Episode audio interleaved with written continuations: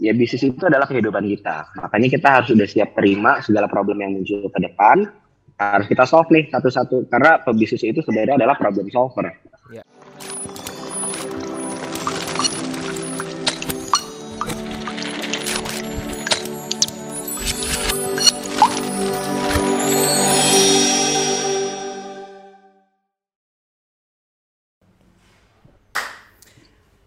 Action. Hai Pinvestor, balik lagi di segmen kesayangan. Ngopi Manis, ngobrol pintar, masalah bisnis. Asik. Tentunya masih sama gua yang setia menemani kalian Ingga Putra dan dosen kita kesayangan. Sama gue Sonia Gustiawan tentunya. Yang pasti kita bakalan bahas topik seru yang gak kalah seru dari topik kemarin. Wih, stay tune terus tanya di Pinvest Tapi sebelum kita mulai, jangan lupa di likes dan di subscribe karena kita bentar lagi baca telur ya mas ya Alhamdulillah. Alhamdulillah. Biar kita makin semangat bikin konten menarik lainnya. Oke, kita langsung aja. Hari ini kita bakalan ngomongin topik seru soal kopi. Yoi, minuman kesukaan kita berdua Minuman ya. kesukaan kita berdua. Yes. Ini kita kan eh, topik kita nih ngomongin masalah kopi nih ya. Berhubung segmen kita ini namanya kopi manis nih kita mesti diketawain nih ama narsum kita.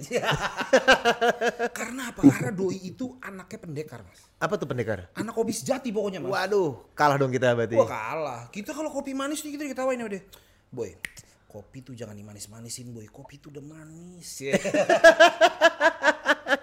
kita langsung aja ke narsum kita yang eh, dia memiliki coffee shop. Coffee shop itu kebetulan berplat F. Weh. Anak Bogor banget berarti ini. Anak ya. Bogor banget berarti. Di sini udah ada eh Mas ente namanya siapa sih Mas? Halo semua, selamat malam. Kenal- Kenalin, eh, nama gue Indra Indra. dari True Wave Coffee Co. Halo, halo Mas Lingga, Tahu Mas lah, Tony, kita- apa kabar? Halo, halo. Tahu lah kita ya namanya Mas Harindra. Harindra. Yang punya coffee shop terkenal di Bogor. Namanya Tertuwe. Kopinya sangat terkenal. intro, intro kita udah oke belum nih? Udah. Udah bisa jadi brand ambassador kayaknya kita nih.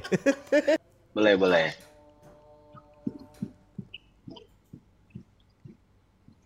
Mana bos? Kita nungguin nih bos. Oh, oke oke. itu tuh tanya. Oh, iya. Ngobrol dong. Bisa aja. Salah aja nih. Eh Mas Harindra. Nih Ya, pandemi halo. kan kayaknya udah mereda nih ya. Jadi Hmm. eh, house business mas. Ya, setelah pandemi mereda gitu ya, kemarin kan kita khawatir beres lebaran apakah ada spike lagi atau enggak. Ternyata untungnya enggak. Kita di Bogor ya. sekarang udah berapa Alhamdulillah. Alhamdulillah. Udah berapa minggu ini kita nol kasus dan kita ngelihat orang-orang kayaknya tuh hasrat nongkrongnya yang udah kekungkung bertahun-tahun gitu ya, udah dua tahun terakhir kan mereka nggak bebas untuk nongkrong. Sekarang semuanya alhamdulillah kembali berjalan lancar. Iya. Kita ngelihat walaupun banyak coffee shop baru juga, eh, walaupun banyak juga mungkin teman-teman yang sayangnya bertumbangan, tapi untungnya masyarakat semangat ngopinya tuh nggak hilang.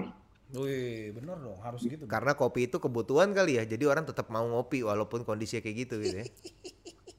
Betul. Nongkrong itu kebutuhan, kopi pelengkap. Oh, nongkrong kebutuhan kopi pelengkap. Baiklah. Jadi pas banget. ya. Ini kalau gue ngeliat juga dari tempat lu nih ya, tempat lu tuh kayaknya belakangnya floral, floral, floral, Floral. floral, floral, floral gitu tuh. Kayak ada taman-taman gitu ya, walaupun gelap-gelap dikit ya. Betul. Ini lu lagi Kesorean sih tag-nya udah gelap. Ini lu lagi di mana sih? Ini ngomong? lagi kita lagi di third wave ini di area outdoornya. Eh, ini kebetulan di halamannya. Ini mungkin kalau boleh gue show kali ya. Boleh, boleh, Boleh, boleh. Nih gue sembari beresin ini gue dulu nih. Biar biar kalem. Nah, eh, balik pagi dia. Wih, Nah, keren. Keren loh. Romantis banget ya. Yo iya, apalagi kalau lagi gerimis-gerimis lucu gitu kan. Ini ada kayak kodoknya nih. Posisi tempatnya di mana Bogornya? Boy, di depan Kita di Bogor Tengah, persis banget di dekat depan IPB betul. Eh, banget tempat nih. Berarti anak-anak kampus-kampus lucu-lucu gitu ya konsumennya ya. Keren emang. Well, tapi Yoi. sebelum sebelum ke sana, Gue pengen tanya dulu nih, Mhm. third wave gitu kan. Third wave, Kenapa berdirinya cerita berdirinya tuh gimana sih? Jadi awal Terwave itu berdiri kan tahun 2017 ya, itu di bulan September lah. Kita pertama kali buka tanggal 21 September 2017. Iya. Hmm, Nah, kebetulan memang Terwave ini lokasinya ada di rumah almarhum nenek gue. Oke. Dulu itu pas beliau masih ada, cita-citanya kan beliau tuh pengen tolong dong ini garasinya kayaknya bisa deh kita jadiin usaha, bikin apa ya, rumah makan atau apa gitu. Karena kalau misalkan kita bikin usaha keluarga, kan keluarga jadi semakin banyak alasan buat tangkring di rumah nenek gitu. Kita lebih sering kumpul, lebih sering ketemu. Apalagi kita juga bisa ngajak teman-teman kita masing-masing nih yang udah lama nggak ketemu bisa main ke sini ke Terwave Coffee yang notabene ya kita juga posisinya bener-bener di tengah kota Bogor kan. Jadi untuk meeting point kayaknya strategis banget. Nah akhirnya keluarga sepakat memutuskan ya udah yuk coba kita bikin sesuatu. Tapi apa gitu loh. Nah kebetulan gue basicnya memang dari kampus dari Prasya Mulia itu di coffee. Kita memang udah pernah bikin coffee shop sebelumnya. Nah kenapa waktu itu gue pikir coba deh kita bikin something else yang beda yang mungkin di kota Bogor konsepnya belum ada nih kita brainstorming diskusi-diskusi akhirnya lahirlah si Terwave Coffee ini Oke. Gitu. Berarti dapat bless dari nenek ya luar biasa. betul Mas, dapat blessing dari nenek syaratnya cuma satu waktu itu dari apa dia tuh? Teman-teman Arisana boleh nangkring di sini oh ya boleh Itu mah gampang banget gitu. ya. Kan bukan hanya nangkring, pasti jajan juga tuh. Iya, iya, iya. nah itu itu yang penting karena beliau paling senang kumpul gitu Mas Indra, eh, nama coffee shopnya kan unik ya, third wave di mana sekarang orang suka pakai nama cinta-cintaan lah dan lain sebagainya gitu. Ini mau nyindir nih, nggak boleh. Enggak, contoh kan gue bilang. nah, Ngomong-ngomong kita enak juga ya kalau sebelahan sih. Bisa bisa kata tektokin gampang gitu. gampang ya. Nah, kalau third wave sendiri filosofi atau makna di baliknya apa tuh mas? Oke, sebenarnya ini ceritanya tuh bisa panjang. Ini kuliahnya bisa sekitar setengah jam sendiri. Tapi coba gue singkat ya. Boleh. Boleh, boleh. Eh, jadi kalau kita ngomong wave, wave itu kan gelombang. Eh, kita bukan ngomongin wave of COVID ya. Pertama-tama make sure dulu clear ini nggak ada hubungannya sama COVID. Oke. Jadi untuk wave yang di sini kita omongin itu adalah tren orang-orang untuk konsumsi kopi. Ada first wave, first wave itu pertama kali istilahnya kopi itu bisa di mass produce, bisa benar-benar jadi affordable, murah, karena udah ditemukan yang namanya vacuum packaging. Akhirnya kopi jadi sesuatu yang mass produce, industrially, orang-orang bisa ngopi setiap hari, bisa dapat kopinya secara murah di supermarket, di warung, di mana pun. Nah itu eh, trennya adalah first wave. Cuman kalau kita ngomong soal industrial eh, production of coffee, sudah pastikan kopinya secara kualitas kita cari yang paling murah gitu loh. Kalau pas Sony punya pabrik, pasti kita cari bahan baku yang paling affordable supaya kita juga jualnya nggak terlalu tinggi harganya kan. Betul. Nah makanya muncullah second wave untuk menjawab ya mungkin apa ya harapan dari beberapa orang yang pengen kopi itu sebenarnya bisa loh kita olah dengan kualitas yang baik dengan standar-standar yang mereka ciptakan. Muncul ada namanya Specialty Institute of Coffee, Specialty Coffee Institute itu di Amerika. Mereka mulai menemukan best practice-nya untuk panen seperti apa, pasca panennya gimana, sampai roasting yang kalau dulu biasanya cuma gelap, hitam, gosong sampai berminyak. Makanya orang-orang tahu rasanya pahit gitu kan. Nah itu karena tren gelombang pertama emang seperti itu, kopi itu pahit. Tapi di gelombang kedua udah mulai ketemu namanya kopi specialty. Ternyata dari kopi itu bisa macem-macem lah gitu. Dan orang-orang mulai kenal, oh ada kopi Brazil, kopi Kolombia, kopi Indonesia gitu. Jadi originnya mulai dikenal. Nah, dan orang-orang juga pada bikin si kopinya ini kembali jadi brick and mortar store. Orang-orang bikin coffee shop. Eh, ada yang bikin tempatnya nyaman, ber-AC, bisa buat meeting point, dan dipopulerkan sebagai sebuah waralaba. Ya contohnya kalau kita sebut merek di Amerika seperti Starbucks gitu ya. Oke. Nah itu second wave nih ceritanya. Orang-orang sudah mulai kenal gitu kan yang namanya specialty coffee. Tapi fokusnya masih belum ke kopinya sendiri dalam arti orang menemukan oh ini ada space baru nih ruang ketiga antara kantor sama rumah gitu kan. Orang nangkring dulu di coffee shop. Nah tapi di third wave coffee yang ngambil center stage-nya itu adalah si kopinya sendiri. Maksudnya gimana? Misalkan dulu orang nyebut kopi itu kopi Indonesia. Hmm. Ternyata di Indonesia itu kan kopi ada macam-macam. Kita punya traceability-nya bisa sampai ke kebunnya siapa, petaninya siapa, bahkan sampai lotnya itu lot yang mana di pertaniannya. Misalkan kita kopi Indonesia, kita punya kopi dari mana? Mandailing, hmm. dari Dolok Sanggul itu dekat Danau Toba, Gayo pasti teman-teman tahu, Toraja. Nah Toraja ini juga misalkan bisa dibagi-bagi lagi ya, Toraja Sapam, Toraja Kalosi, dan kita bahkan udah bisa tahu masing-masing petani, masing-masing prosesor karena kondisi geografisnya berbeda, metodologi mereka berbeda, itu rasa kopinya pasti antara kebun satu dengan kebun yang lain itu bisa beda juga gitu loh. Walaupun Jadi culture-nya mungkin jenis kopinya sama ya Mas ya. Walaupun jenis kopinya sama, okay. let's sama-sama arabica atau sama-sama robusta. Okay. Nah, itu yang bikin menarik dari kopi jadi akhirnya kulturnya itu menikmati bukan cuma kopi tapi sebuah artisanal produk. Wow. Nah, itu yang makanya sekarang kita lihat orang itu bikin kopi kenapa ribet sih? Hmm. Nah, karena yang kita appreciate dari situ ini kan bukan mass produce drink ya, tapi ini adalah artisanal product yang kita buat secara perlahan, memastikan seluruh cita rasa yang ingin disampaikan dari hulu sampai ke hilir itu sama, dan customernya juga akhirnya perlahan-lahan teredukasi untuk mengapresiasi gitu cita rasa kopi asli dari dengan ciri khas kedaerahan masing-masing. Jadi tanpa gula pun orang-orang udah bisa mulai menikmati kopi. Iya deh. Nah itu gula, yang sebenarnya. Emangnya kita pakai gula.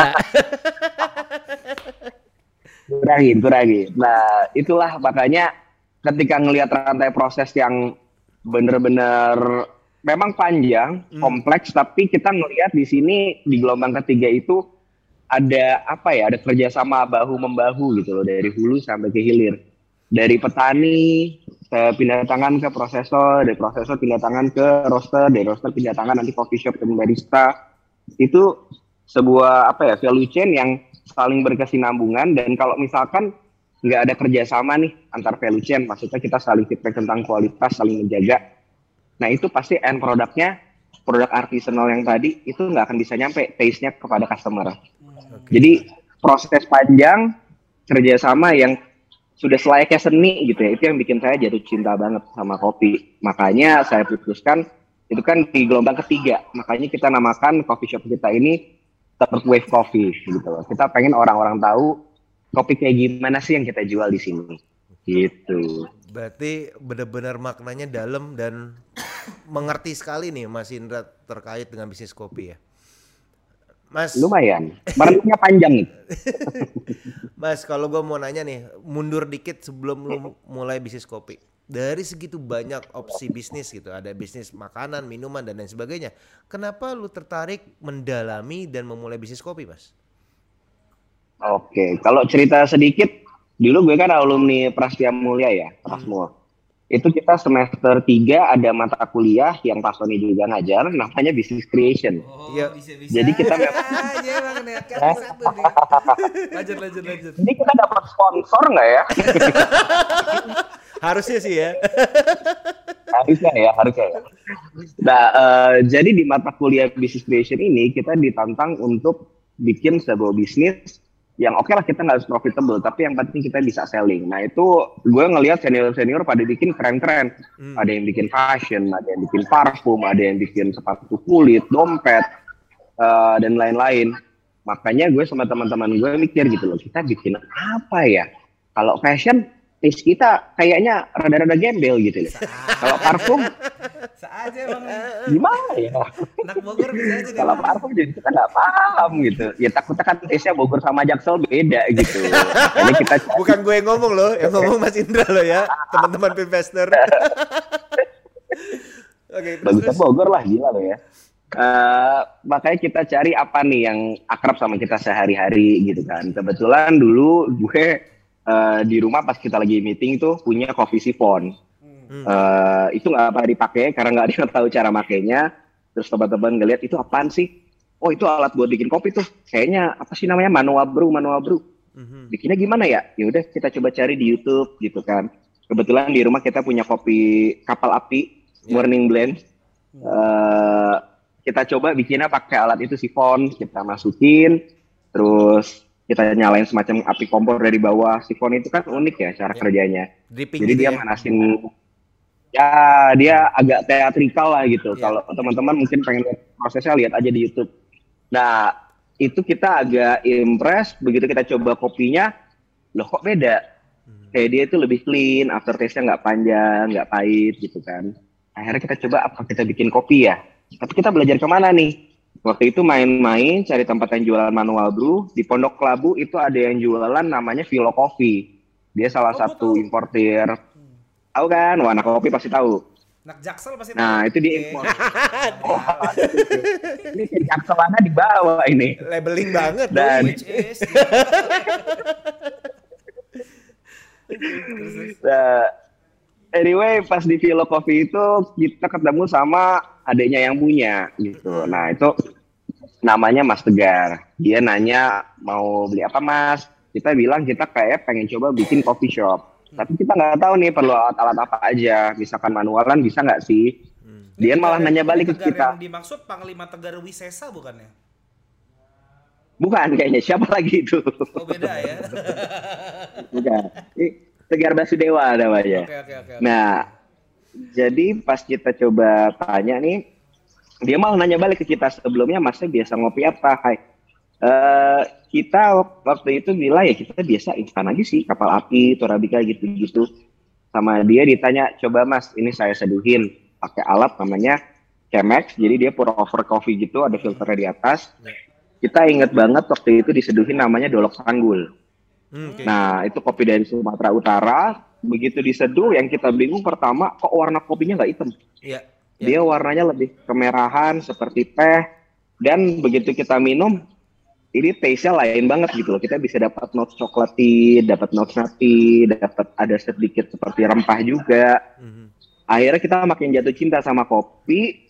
Kita pelajarin, ternyata dia itu ada craftsmanship-nya gitu loh. Dia ada seninya untuk membuatnya dan kita ngerasa oke kalau kita bikin suatu bisnis kita pengen cari sesuatu yang kita passionate about dan dia itu nggak cuman monoton gitu loh. Kita menemukan kopi itu ternyata punya craftsmanship tersendiri kita belajar lebih dalam dan akhirnya kita makin jatuh cinta udah deh semenjak saat itu kita nyemplung di dunia hitam Oke, dunia kopi gitu ya, dunia hitam. Dunia Yoi. Gila, istilahnya nih kalau kita nggak ngerti kopi berat juga ya. boleh juga istilah doi. nah, Mas, Mas anak kopi Yo, Ya. namanya juga segmennya ngopi manis harus tahu lah kopi. Iya. Lu nggak tahu kebangetan lu. Tahu lah gila kali lu. Mas, eh, tadi kita bicara tentang eh, sejarahnya third wave, kemudian bagaimana eh, perjalanan kopi wave 1, wave 2, wave 3 gitu. Nah, kalau dari kacamata Mas Indra, gimana nih prospek atau tantangan bisnis kopi ke depannya nih, terutama coffee shop? Menurut Mas, apakah ada wave wave baru atau wave 3 ini akan berkembang? Sadis ya. Kalau pertanyaan Pak dosen tuh berat emang. Woi. berasa kuliah lagi nih gue ya Kayak saya lu. Jadi basicnya gini, kalau kita di F&B apa pun itulah, kita mau ngomong di coffee shop, kita mau ngomong di makanan, restoran, pasti ada yang namanya trending. Itu semua akan evolve gitu. Mhm. Tapi ke di satu sisi yang bisa kita apa yang bisa kita pahamin, kopi itu udah jadi minuman yang dikonsumsi oleh manusia beratus-ratus tahun. Secara sejarah dia panjang dan sampai sekarang walaupun kita masing-masing punya kultur ngopi yang berbeda, mau di Indonesia, Turki, Amerika, Italia, eh, Prancis, tapi kopi itu menjadi semacam kebutuhan daily dose-nya orang-orang gitu loh. Kopi itu kan kafein adalah the most consumed drug in the world. Dan kita yakin kalau kita ngomong sustainability-nya, si kopi ini masih panjang umurnya. Growth-nya juga kalau kita ngelihat kemarin begitu skripsian, eh, growth-nya itu untuk coffee shop semakin tinggi sebenarnya. Makanya kita lihat, tapi tantangannya adalah kita punya kompetitor memang semakin banyak. Oke. Kalau main ke Bogor nih, sebulan mungkin bisa buka 3 sampai 4 coffee shop yang baru. Oke. Itu eh, sebuah hal yang berberkaman, especially Bogor is the next Bandung mungkin. Kalau kita ngomong sebagai destinasi buat kuliner atau kalau anak-anak sekarang nyebutnya anak jaksel staycation. Staycation. Nah, staycation. Jadi memang kita lihat industrinya itu masih growing banget, demand juga semakin meningkat. Tinggal gimana kita ini punya unique selling point yang ngebedain kita sama kompetitor-kompetitor yang lain gitu loh. Oke.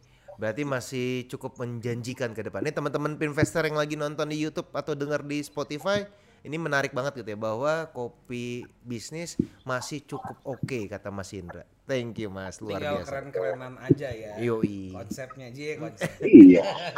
Tapi kalau kita Coba kemarin uh, refleksi sedikit kalau misalkan kita lihat kemarin pas lagi pandemi Covid tiba-tiba yang ngetren apa?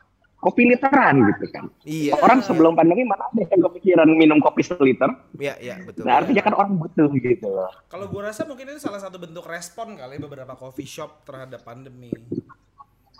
Betul, betul. Dan demand-nya ada. Yes. Lumayan tinggi lagi. Salah satunya gua.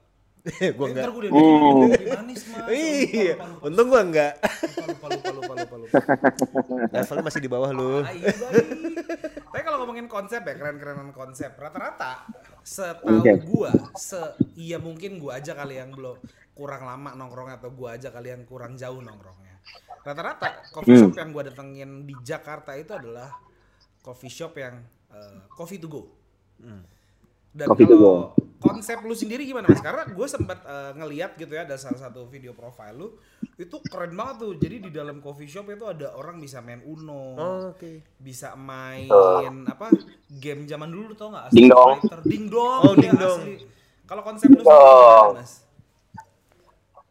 Kalau di kita hmm, mungkin karena eh, coffee culture-nya agak beda ya sama di Jakarta. Kalau Jakarta itu kan bener-bener fast pace banget. Ya, keras Eh, gitu hidupnya Udah ya. mah ya, rush banget. Kenapa? Karena macet banget ya Jakarta ya. Bogor sih enggak.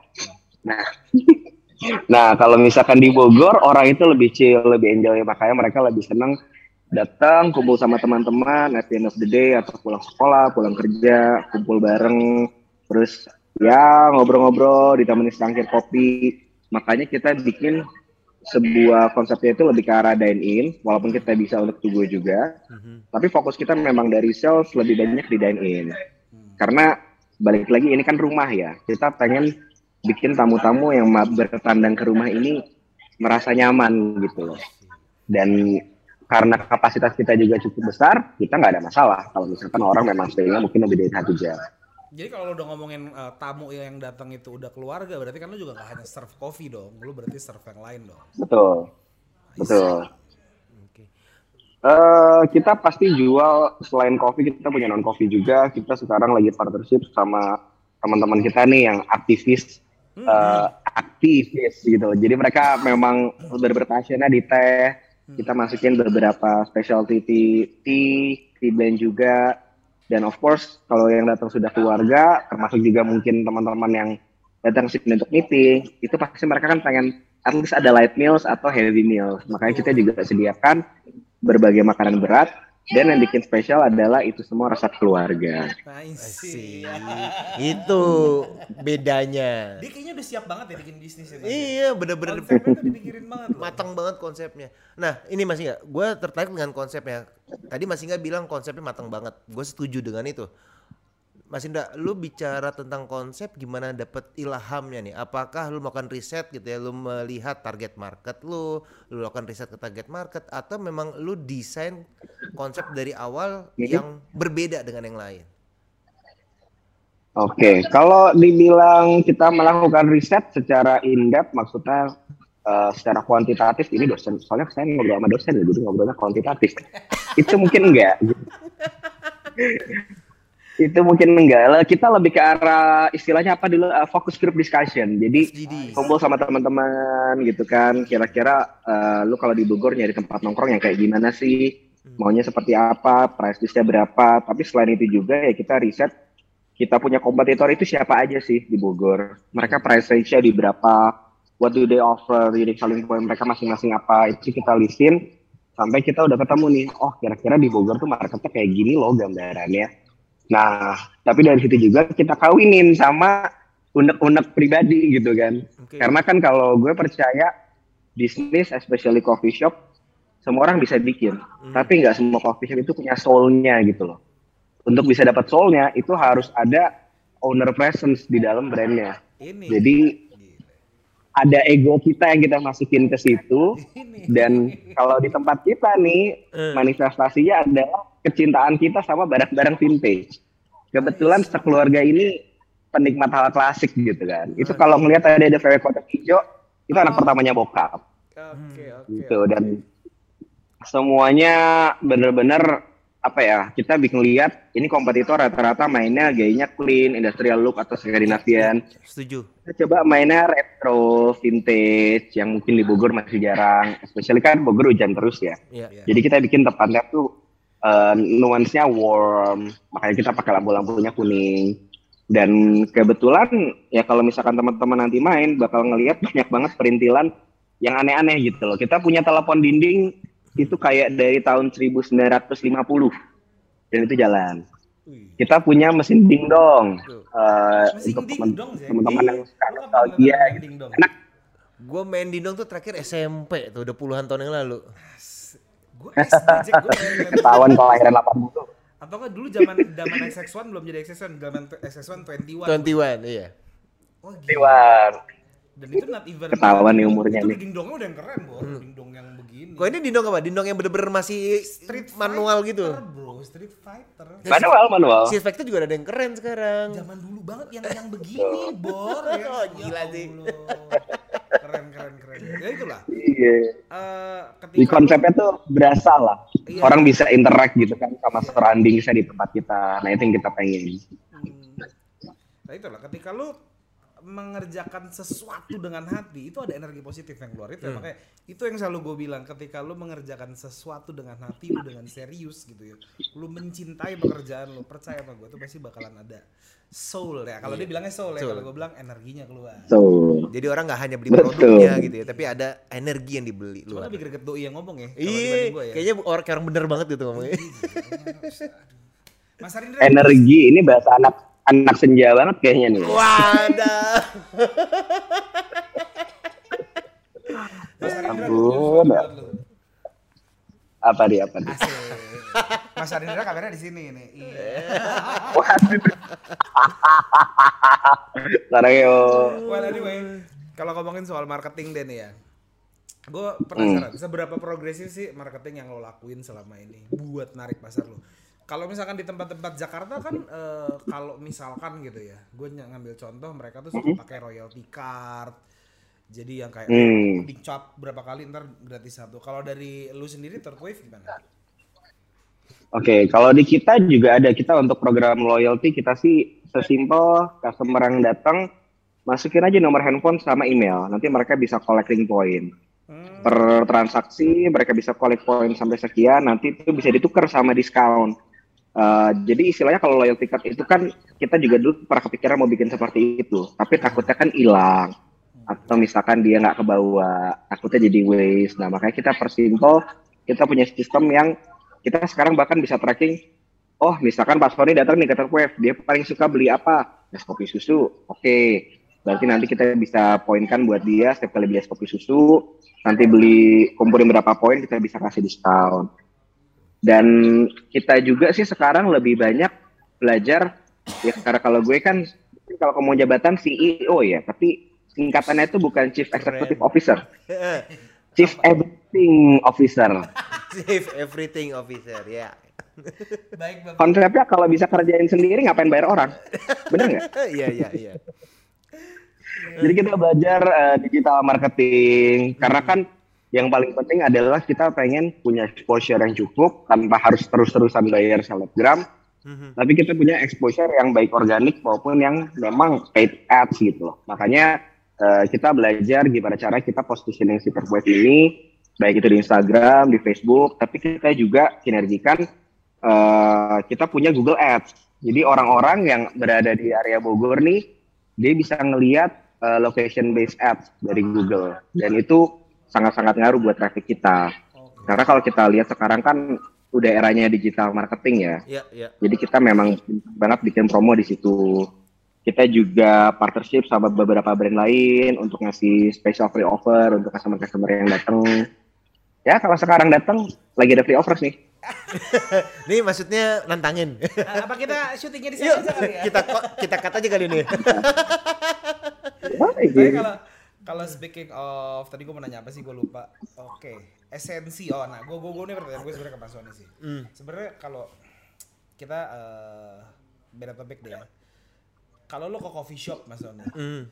apa esensi paling penting ketika lo datang ke coffee shop? Kalau gue yang paling penting adalah nyari kopinya. Lo nyari kopinya. Nyari kopinya. Karena menurut gue tempat sebagus apa pun kalau kopi yang gak enak ya gue males datengnya. Hmm. Tapi kalau kopinya enak, tempat menurut gue bisa dinegokan. Oke, minimal harus ada manual. Hmm. Iya. Kalau lu? Ah ini gue nungguin ditanyain, gue nungguin ditanyain. Kalau buat gue coffee shop paling penting buat gue yang penting AC-nya dingin, Hmm. wifi-nya kencang, Mhm. sama kopinya enak. Kopi enak nomor tiga buat gue, yang penting AC dingin, eh, tempat duduk gue enak sorry, nomor dua tempat duduk gue enak, yang ketiga eh, wifi-nya kencang. Nah, gue penasaran kalau dari sisi eh, shift everything officer ini apa pak? Esensi terpenting Kalau dari dari coffee shop, Ini esensi kan terpentingnya dari ya. Customer wise ya, ini Iya. kita dapat customer wise. Kalau dari Oke. chief everything officer nih? Kalau kita eh, fokus utamanya mungkin lebih ke arah sebenarnya ini non negotiable dan kalau bisa non tradable gitu ya. Tapi kadang-kadang kan kita harus milih. Nggak Yes. bisa maruk bener nggak? Hmm. Nah, eh, kalau dari gue pribadi, tapi ketika dipaksa harus milih, gue akan fokus ke produk. Kenapa? Karena kalau kita punya sebuah produk yang memorable, yang orang itu suka dan dia itu ketagihan bakal balik lagi dari produk itu, atau kita selalu inovasi bikin produk baru, itu akan lebih sustain. Kalau misalkan kita fokusnya ke, ke tempat, misalkan nanti ada orang yang buka coffee shop dengan modal lebih tinggi, tempatnya lebih nyaman, masa dia pindah? Bener nggak? Tapi kalau kita fokus di produk, kita punya sebuah unique selling point, mau seperti apa pun, gue sih cukup yakin orang akan kejar. Hmm, baik. Iya, nggak bisa Tuh. Contohnya kayak mungkin kalau teman-teman tahu klinik kopi dulu yang di Jogja tuh, tahu. Ya, ya. yang Gua dia pernah tahu. datang ke sana. Nah, pernah datang kan? Ya. Awal dia buka itu kan cuman kecil, mungkin tempatnya dibilang ber-AC apa gimana, itu enggak gitu kan. Iya. Tapi yang dia tawarkan itu kan experience. Hmm. experience minum kopi langsung diseduhin sama ownernya jadi ada human touch lah di servisnya Yes. orang mau pindah pindah ke mana pun pasti dikejar gitu loh oke sih. Makanya kalau sana, pribadi- oke banget ya. betul makanya kita fokusnya ke servis ke produk itu menurut gua akan lebih sustain ke depannya Oke. Oke, gue coba menggali lagi ya, Mas ya. Tadi insight dari lu itu bicara tentang service. Nah, kalau seandainya nanti lu eh, mau buka cabang gitu ya, mau buka cabang di tempat yang baru, misalnya di luar kota atau di mana pun gitu. Nah, konsumen Oke. di sana ternyata memilih kopi seperti masih enggak, sukanya kenyamanan Hmm. gitu. Nah, Hmm. gimana nih? Apakah lu akan tetap menjaga idealism lu dengan mempertahankan kopi quality is number one, atau justru menurunkan demi bisa mengakomodir orang-orang kayak masih enggak? oke kalau dari gua pribadi ketika misalkan nanti marketnya berbeda gitu ya Iya, iya. Nah, pertama yang perlu kita pahami market itu kan luas. Jadi yang seperti Mas Lingga ada, tapi yang lebih prefer ke kopi juga ada. Kita Hmm. cuma perlu tajamin aja, brand kita tuh sebenarnya arahnya ke mana sih? Kita lebih ngajamin ke arah si produknya kah? Atau memang kita terkenal di tempatnya kita yang nyaman? Kalau gue pribadi, brand gue lebih ke arah di produknya. Dan untuk itu juga, makanya kalaupun kita perlu sacrifice, Mhm. eh, tempat sih minimal kita biar minimumnya adalah orang tuh nyaman untuk bisa duduk, untuk bisa nikmatin kopinya. Oke. Itu sebuah bare minimum yang harus kita punya gitu loh. Tapi di sisi lain, ya kita tetap pastikan produk kita mau minumnya di Jogja, di Bandung atau di Bogor, ya amin amin kalau ada cabang di sana. Amin, Halo kalau ada amin, investor, calling saya. Amin. Nah, itu kita harus pastikan seluruh kualitasnya itu sama gitu. Jadi menjaga core value itu sangat penting ya menurut Mas Indra ya. Penting banget. sadis. Karena kalau enggak, apa bedanya kita sama coffee shop sebelah? Sadis. Oke, oke. Nah, gue tadi tuh sebetulnya udah nanyain tempat ya. Cuman kayak gue mau nanyain karena tadi lu ngomongin soal produk ya. Jadi kayak gue mau nanyain soal produk. Hmm. Despite dari lu membuat roastery sendiri, lu bikin roastery sendiri kan pasti. Betul. Si kerinci itu kan yang terkenal kan. flagshipnya. Ya. Flagship lo apa Betul, aja sih betul. selain Kerinci coba? Eh, kalau untuk single origin kita yang paling favorit itu ada tiga sih sebenarnya yang benar-benar selalu ada. Yang lain seasonal. Oke. Kita punya kerinci black honey. Ini kita ngambil langsung eh, dari petaninya di Kayu Aro. Mhm, Terus kita ngambil juga Sunda Gulali mhm, dari Koperasi Klasik Bean. Dia salah satu bean seller kita unik banget untuk flavor notes-nya. mhm. Dan yang terakhir ini Wonosobo, Wonosobo Natural. Ini kita juga ngambil langsung dari petani dan prosesornya. Kebetulan kemarin lagi ada visit ke sana dan kita juga tahu ternyata mereka finalis untuk kompetisi kopi specialty. Mhm. Kita coba bawa oleh-oleh nih, beli sampel kopinya, roasting di sini dan ternyata di market kita cocok banget gitu loh. Jadi kita punya tiga kopi tadi. Kerinci, Sunda Gulali, sama Wonosobo. Mantap. Nah, cuman yang menarik ya di feed lu itu gue sempat ngeliat lu sempat posting juga beans lokalan lainnya. Nggak cuma beans lu tapi lu side by side sama beans dari eh, anak-anak Jogja kayak Space Roastery dan lain-lain gitu. Betul. Itu gimana sih lu lu ada sama Kuali juga nih kalau nggak salah ya dari Kuali ya. Wali juga betul. Oke, nah itu lu lu Karena-? Oke, oke, monggo monggo. Oke, jadi kita itu konsepnya lebih mengedepankan kolaborasi dibandingkan kompetisi. Oke. Eh, jadi pertama Indonesia itu kan kopinya banyak banget. Begitu kayak misi utama kita adalah kita pengen ngenalin sebanyak-banyaknya kopi Indonesia yang terkurasi dan berkualitas ke halayak ramai. Ya, Tentunya kalau kita sendirian akan sulit. betul. Apalagi kita tahu di sini banyak banget rekan-rekan roster lokal yang semakin ke sini kualitasnya semakin menggembirakan gitu loh. Semakin luar biasa baik itu roster di Jakarta, di Bogor, Jogja, Bandung. Makanya misi kita Makanya juga adalah saling mengenal. roastery sekarang ya. Betul. Semakin- Bahkan kita sering banget bikin event kayak public cupping gitu. Jadi Hmm. eh, kita kasih free buat para customer yang datang untuk nyicipin macam-macam kopi. Tapi kita biasa selalu ngundang roster tetangga gitu. Jadi biar tahu gitu kan. Biar mereka eh, teman-teman yang datang ke Turfwave juga mungkin bisa main ke coffee shop coffee shop dari rekanan kita. Karena buat kita kolaborasi itu lebih asik sih daripada kompetisi, daripada sikut-sikutan gitu kan. Tapi memang bisnis masa depan kayak gitu. Berarti lu udah keren sih mindset lu udah the future businessman. Widih. Currently berarti kalau lagi jalan partner sama siapa aja nih? Kalau untuk yang official partner kita sekarang kita ada dari Quali Coffee dan dari Koperasi Kelompok Tani Cetang Malang. Oke. Nah kalau Quali Coffee itu ya dia sahabat kita banget lah, eh, yang masukin roast beef kita, yang banyak training kita juga. Dan eh, kalau kopi Cetang Malang itu dia adalah kelompok tani yang areanya itu ada di Bogor. Oke. Dan kita pernah menjalankan program bareng lah sama mereka bertiga. Jadi kearifan lokalnya juga tetap diangkat ya. Tidak melupakan Bogornya sendiri gitu ya. Betul. Kalau nggak nanti diusir sama. Ih, kalau nggak nanti diusir sama petani kopi Bogor ya. Nih Bogor Pride. Bogor Pride. Kalau kita kan Tangsel Pride. Mas, eh gue pernah baca gitu ya di salah satu artikel Indonesia tuh memiliki ratusan bin kopi gitu, ya. jenis bin kopi ada yang arabica, robusta, liberica dengan berbagai macam eh, uniqueness dan kedaerahan gitu ya. Nah, Betul. sebagai pebisnis kopi shop kita kan nggak mungkin bisa mengakomodir semua bin, kita harus memilih mana yang mau kita Betul. pakai dan kita jual. Boleh kasih tips and trick nggak mas? Gimana cara lu memilih beans mana yang mau lu pakai di coffee shop lu? Oke. Yang pertama itu jelas kita ngomong soal kualitas, soal rasa. Hmm. Jadi biasanya sebelum kita pilih beans itu kita rilis di marketplace kita atau misalkan kita jual juga di offline store, biasa kita kasih sampel roast dulu, small batch, barang sekitar satu kilo, terus kita akan lakukan cupping. Jadi kita punya QC internal yang lumayan ketat. Kita tahu eh, standarnya secara SKAI, Mhm. itu untuk menguji cita rasa kopi itu seperti apa. Kalau misalkan kopi itu skornya masuk ke dalam kriteria kita, baru kita consider nih. Tapi setelah kita tahu kualitasnya, biasanya kita akan cek yang pertama pasti di pricing.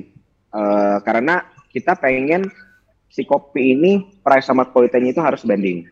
Walaupun harganya mahal, kalau misalkan peminatnya banyak, kita nggak pernah keberatan. Dan kita nggak masalah bayar lebih ke petani selama kita bisa ngejaga kualitasnya sama. Terus yang kedua, yang kita cek adalah availability-nya.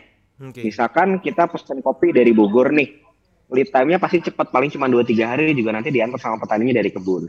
Tapi kalau misalkan kita ngambilnya dari luar pulau, biasanya kita harus cek-cek nih dia kapasitas produksinya dalam setahun itu berapa kilo sih dan yang bisa di spare ke kita dalam setahun itu berapa kilo berapa kintal supaya kita pastiin kalau misalkan kopi itu memang jadi flagship kita dia selalu ada gitu loh jangan sampai kita kehabisan especially misalkan kopinya kita pakai buat blend Oke. kayak kerinci kan masuk ke espresso blend kita nih Mhm, nah mhm. kita ensure dulu ke petaninya mas kita punya proyeksi kebutuhan kita setahun sekian masnya menyanggupi kah kalau dari dia menyanggupi oke kita tekan kontrak kita kerjasama gitu. Oke. Berarti bukan hanya dari quality semata, bicara juga dari segi kapabilitas si supplier gitu ya. betul kapabilitasnya dia bisa konsisten kah dan apakah dia eh, punya kuantiti produksinya mencukupi kebutuhan kita gitu. Oke. Keren ya Mas. Keren banget ini. Ternyata nggak gampang loh. Susah aja. Nggak pakai feeling. Gue pikir pakai feeling ah udah deh gue mau ini aja, gue mau ini. Ternyata enggak ya. Ternyata lu harus sortir satu-satu, lu harus teliti, lu harus detail karena iya semua itu menentukan outputnya nanti. Iya. Mantap. betul Tapi kita cuma mau yang terbaik yang kita sajiin buat customer soalnya. Asik. Yang penting outputnya ya. yang penting kualitas kan kalau dia yang penting kan produk ya Iya. kan. Produk gua yang penting. ya betul Nah, betul betul kita ngomongin ke sisi bisnis boleh kali ya? boleh Eh, boleh boleh, bener nih yakin nih. Yeah. Pertanyaan gue menjebak loh. Yeah. Hati-hati loh. Oke. Eh, bu kalau boleh tahu nih ya, lu pada saat awal mula lu membuat sebuah coffee shop ini gitu ya. Memang kan lu menggunakan lahan dari apa? Alma nenek ya. Hmm, Oke. betul Di balik itu lu memiliki angel investor nggak sih ataukah lu dapat suntikan dana untuk start building up your business ini sampai menjadi Oke. seperti sekarang? Ini pertanyaan yang menarik banget. Sebenarnya di awal kita pertama kali mau bikin, gue sempat sharing-sharing juga sama beberapa teman-teman yang pernah invest di bisnis gue yang sebelumnya, itu kedai kondi. Dan mereka sebenarnya sangat-sangat tertarik untuk masuk. Yap. Cuman karena balik lagi ini kan lahan keluarga. Jadi ke segala keputusannya kita harus eh, by approval dari family. Yes. Nah, untuk menghindari konflik kepentingan, untuk menghindari hal-hal yang tidak diinginkan, kebetulan keluarga memutuskan, oke lah untuk tahap satu ini, karena ini aset-aset ke keluarga, kita semua bikin ini jadi bisnis keluarga gitu loh. Jadi untuk saat ini kita modalnya dari internal I see. Oke. gitu. Jadi Tapi kalau untuk tempat-tempat lain ya tentunya kita open untuk kerjasama. Oke, kalau dari sini Oke. berarti hitungannya sama nggak sih mas kayak crowdfunding walaupun itu internal dari eh, keluarga misalkan kayak lo dari kumpulin keluarga A, keluarga B, keluarga C gitu. Oke. Kalau dari yang saya pahami biasanya kan konsep crowdfunding itu adalah kita lempar sebuah project ke entah itu ke investor meeting atau kita ke sebuah platform dan kita eh, take the capital dari crowd. Nah, cuman masalahnya kalau ini kan lebih ke arah close investment kalau menurut saya. Karena ini dibatasi hanya anggota keluarga saja untuk investasi It's di berarti ya. cabangnya. Oke. Betul. Tapi yang menarik ya, lu sempat eh, ini nggak mas Sony sempat visit-visit nggak? Kalau lo kalau Pinvestor lebih detail lagi ya, itu kan ada link tree-nya tuh di dalam Instagramnya si Third Wave di situ ada website. Gue kemarin sempat ngeliat ini hal yang menarik banget. Kenapa? Karena di situ gue ngeliat ada masalah crowdfunding. Hmm, Oke. Nah, kalau kita tadi kan tadi gue sempat mention di awal itu adalah investor gitu kan. Kalau ngomongin soal investor, menarik nih kalau kita ngomongin soal crowdfunding. Nah, di sini kan lu punya program ya kan ya, crowdfunding. Betul. Coba deh lu ceritain deh. Karena kalau gue, gue sebenarnya gue udah baca, cuman gue pengen lo yang menceritakan. Biar kayaknya kalau lo yang ceritain tuh lebih greget. Oke.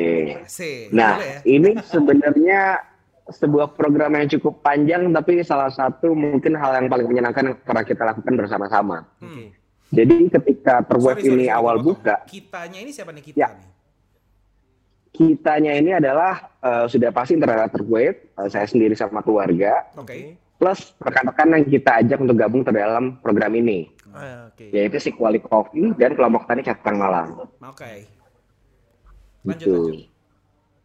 Jadi pertama kali kita bikin terweb ini, ketika kita launching, kita kan berpikir ya, kita punya unique selling point-nya apa nih? Jangan sampai kita cuma meramaikan market aja, nggak ada yang membedakan kita sama yang lain.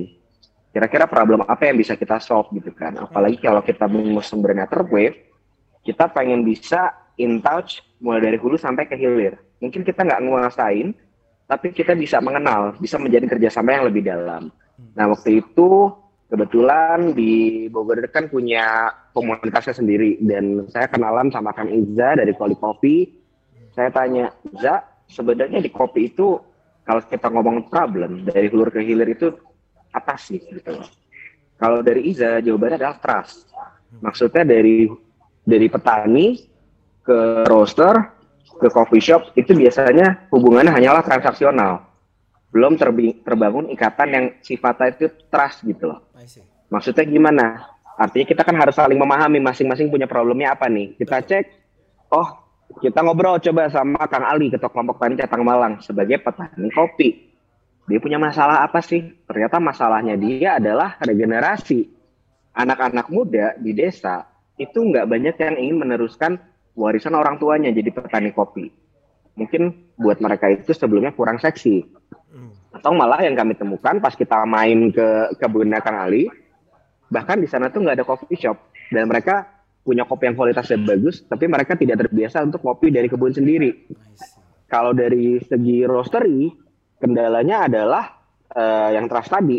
Uh, kita biasa beli dalam partai kecil, tapi karena belum terjalin hubungan yang lebih mendalam nih, misalkan kita mau ada request ke petaninya, kita mau ada, uh, let's say kita minta ada perbaikan atau apa di segi kualitasnya, terkadang itu sulit gitu kan, karena relasinya tadi masih transaksional. Apalagi kita yang di hilir nih, end produknya, kita cuma bisa terima jadi dari roastery seperti apa, dari hulunya seperti apa. Makanya kita berpikir gimana kalau kita bikin program bareng nih, yang bisa ngelibatin semuanya dari hulu sampai ke hilir, bahkan kita coba libatkan customernya juga. Kita solve salah satu problemnya tadi adalah regenerasi si anak petani kopi. Makanya dulu kita bikin program namanya itu adalah A Cup Full of Dreams. Hmm. tujuannya apa? Jadi kita pengen ngebangun nih ada satu orang anak petani kopi. Nggak usah banyak-banyak kita pikir start small dulu aja.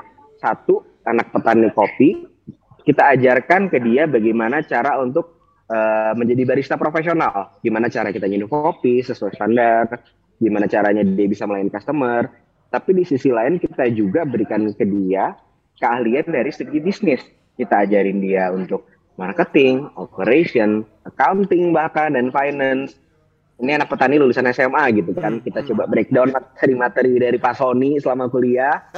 Kita coba ajarin nih ke anak ini nih supaya dia punya bisnis sense gitu kan dia seorang barista yang punya bisnis sense karena apa kita punya cita-cita bersama nih tiga pihak tadi kita pengen di hulu seenggaknya ada sebuah coffee shop yang dimiliki sama si anak petani tadi okay. jadi si anak petani ini harapannya setelah magang di kita sekitar satu tahun dia sudah punya skill barista dia sudah punya skill bisnis dia bisa running coffee shopnya sendiri di hulu jual produk dengan harga yang sangat-sangat affordable karena kopinya dari kebun sendiri supaya at least teman-temannya yang lain yang sepantaran juga tahu oh kopi kita tuh dinikmatinya kayak begini loh harganya bisa jadi segini loh ngolahnya seperti ini loh gitu loh supaya dari mereka pun semakin concern akan kualitas dari produk yang mereka proses nah tapi kalau untuk bikin yang namanya coffee shop itu kan perlu selain uh, knowledge yang kita perlukan itu kan adalah modal mhm. financial capital ya kan nah ini dapatnya dari mana kita pikir lagi kemarin bareng-bareng,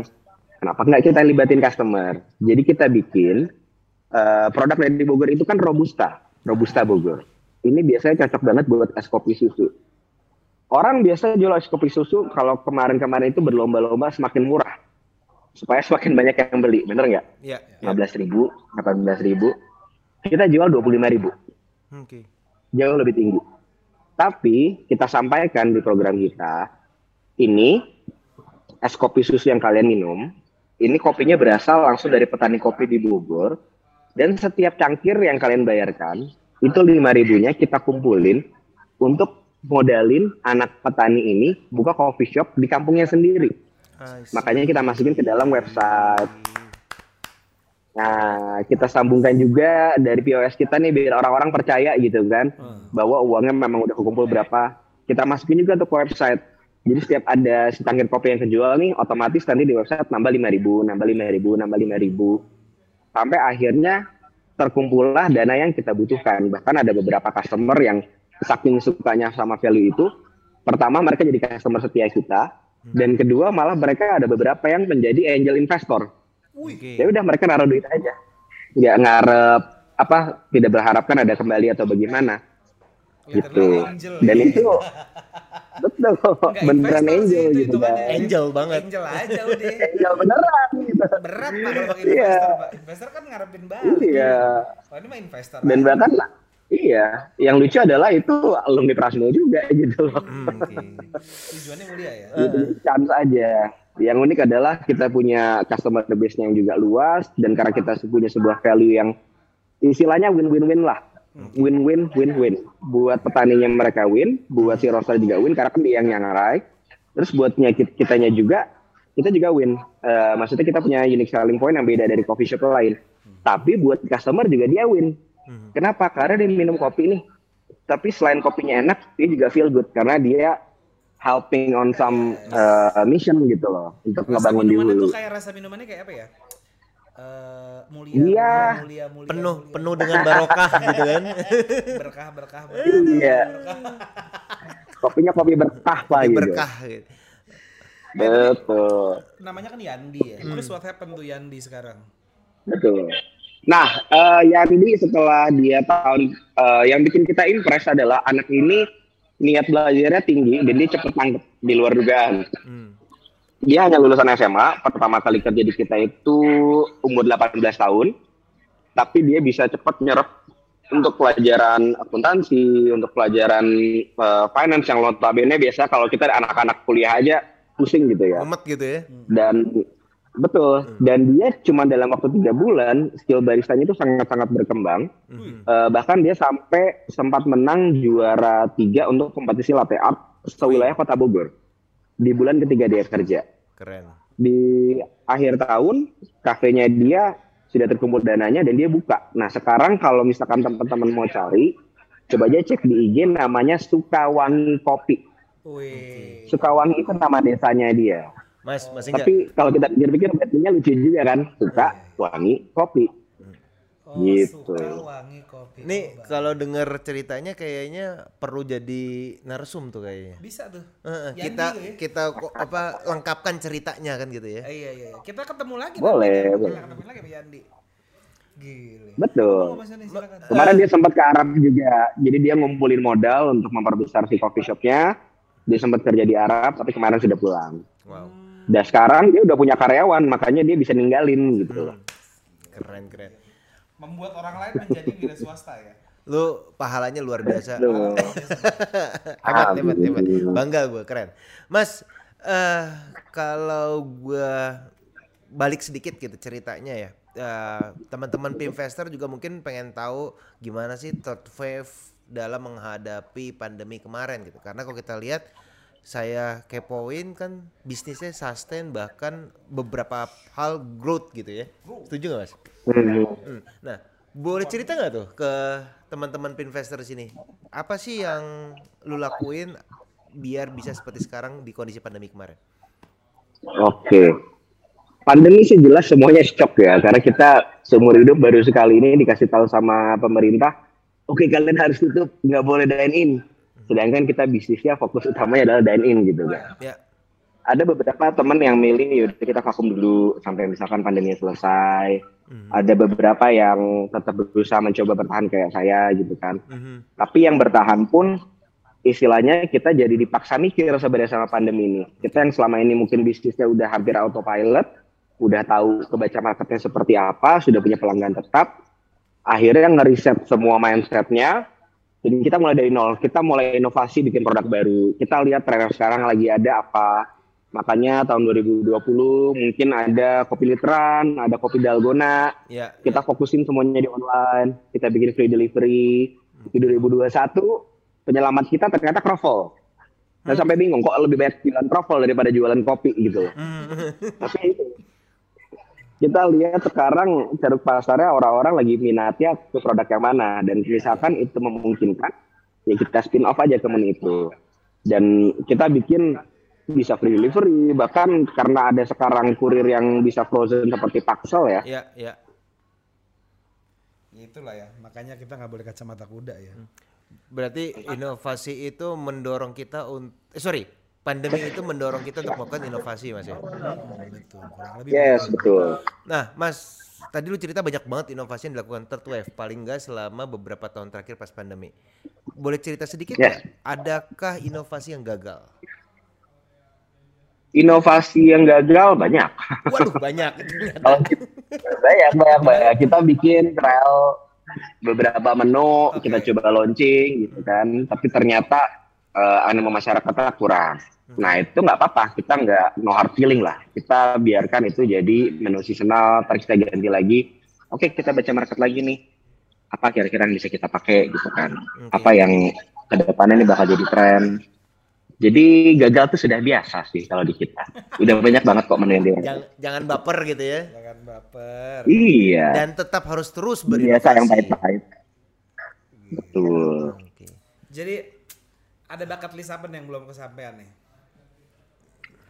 Eh, bucket list ya. Sebenarnya kalau dibilang belum kesampaian banyak banget sih. Namanya bisnis itu kan kita nggak bisa stagnan ya. Yes. Pasti kita harus improve, improve dan improve. Mhm. Yang jelas kita pengen ke depannya kita punya divisi khusus yang bisa juga untuk edukasi. Dalam arti misalkan teman-teman mungkin yang memang penikmat kopi, dia pengen belajar untuk gimana sih caranya kita nyedih kopi standar barista gitu loh. Ya. kita akan buka beberapa kelas terus kita pengen mengadakan lagi seperti dulu eh, ada cupping rutin lah Mhm. kita waktu itu pernah bikin acara cupping nyobain kopi dari Sabang sampai Merauke Wow. kita bener-bener seluruh kopi di Indonesia kita kumpulin kalau bisa kita pakai roster-roster lokal kita cupping rame-rame sama customer Asik tuh ya. dan tentunya cita-cita kita juga kita pengen bisa bisa buka cabang di kota-kota yang lain seperti Jogja atau Bandung gitu ya Amin. kayaknya cari suasana yang berbeda asik nih gitu. Amin. Mudah-mudahan sukses. Tapi nggak mau di Jakarta ya? Dia kayaknya sensi dia sama Jakarta. Mm-mm. Duh, macet gimana ya? Ya, gitu. Wah, nih Bogor Pride nih. Bogor Pride nih. Masalahnya orang di Jakarta weekend juga ke Bogor gitu, jadi ya udah aja. Iya sih. Padahal, padahal dia bocahnya anak Jakarta ya Mas. Iya. Anak Jakarta, bentar ke Bogor aja nih. Waduh. Gak jauh beda sih sebenarnya. Hmm? Oke, sedikit lah. Terakhir nih, terakhir terakhir. Bagi-bagi tips lah buat Hmm. uh, investor di luar sana. Buat yang lagi mau terjun urusan F&B. Mhm. Kasih ujangan-ujangan Untuk dari lu ya. lah. Mungkin sharing ya. Eh, F&B itu semua orang selalu bilang usaha yang paling gampang. Mm-mm. Padahal di, kalau misalkan kita ngomong gampang atau susah, ya dia gampang-gampang susah. Gampangnya kenapa? Karena kalau makanan itu pasti ada yang beli.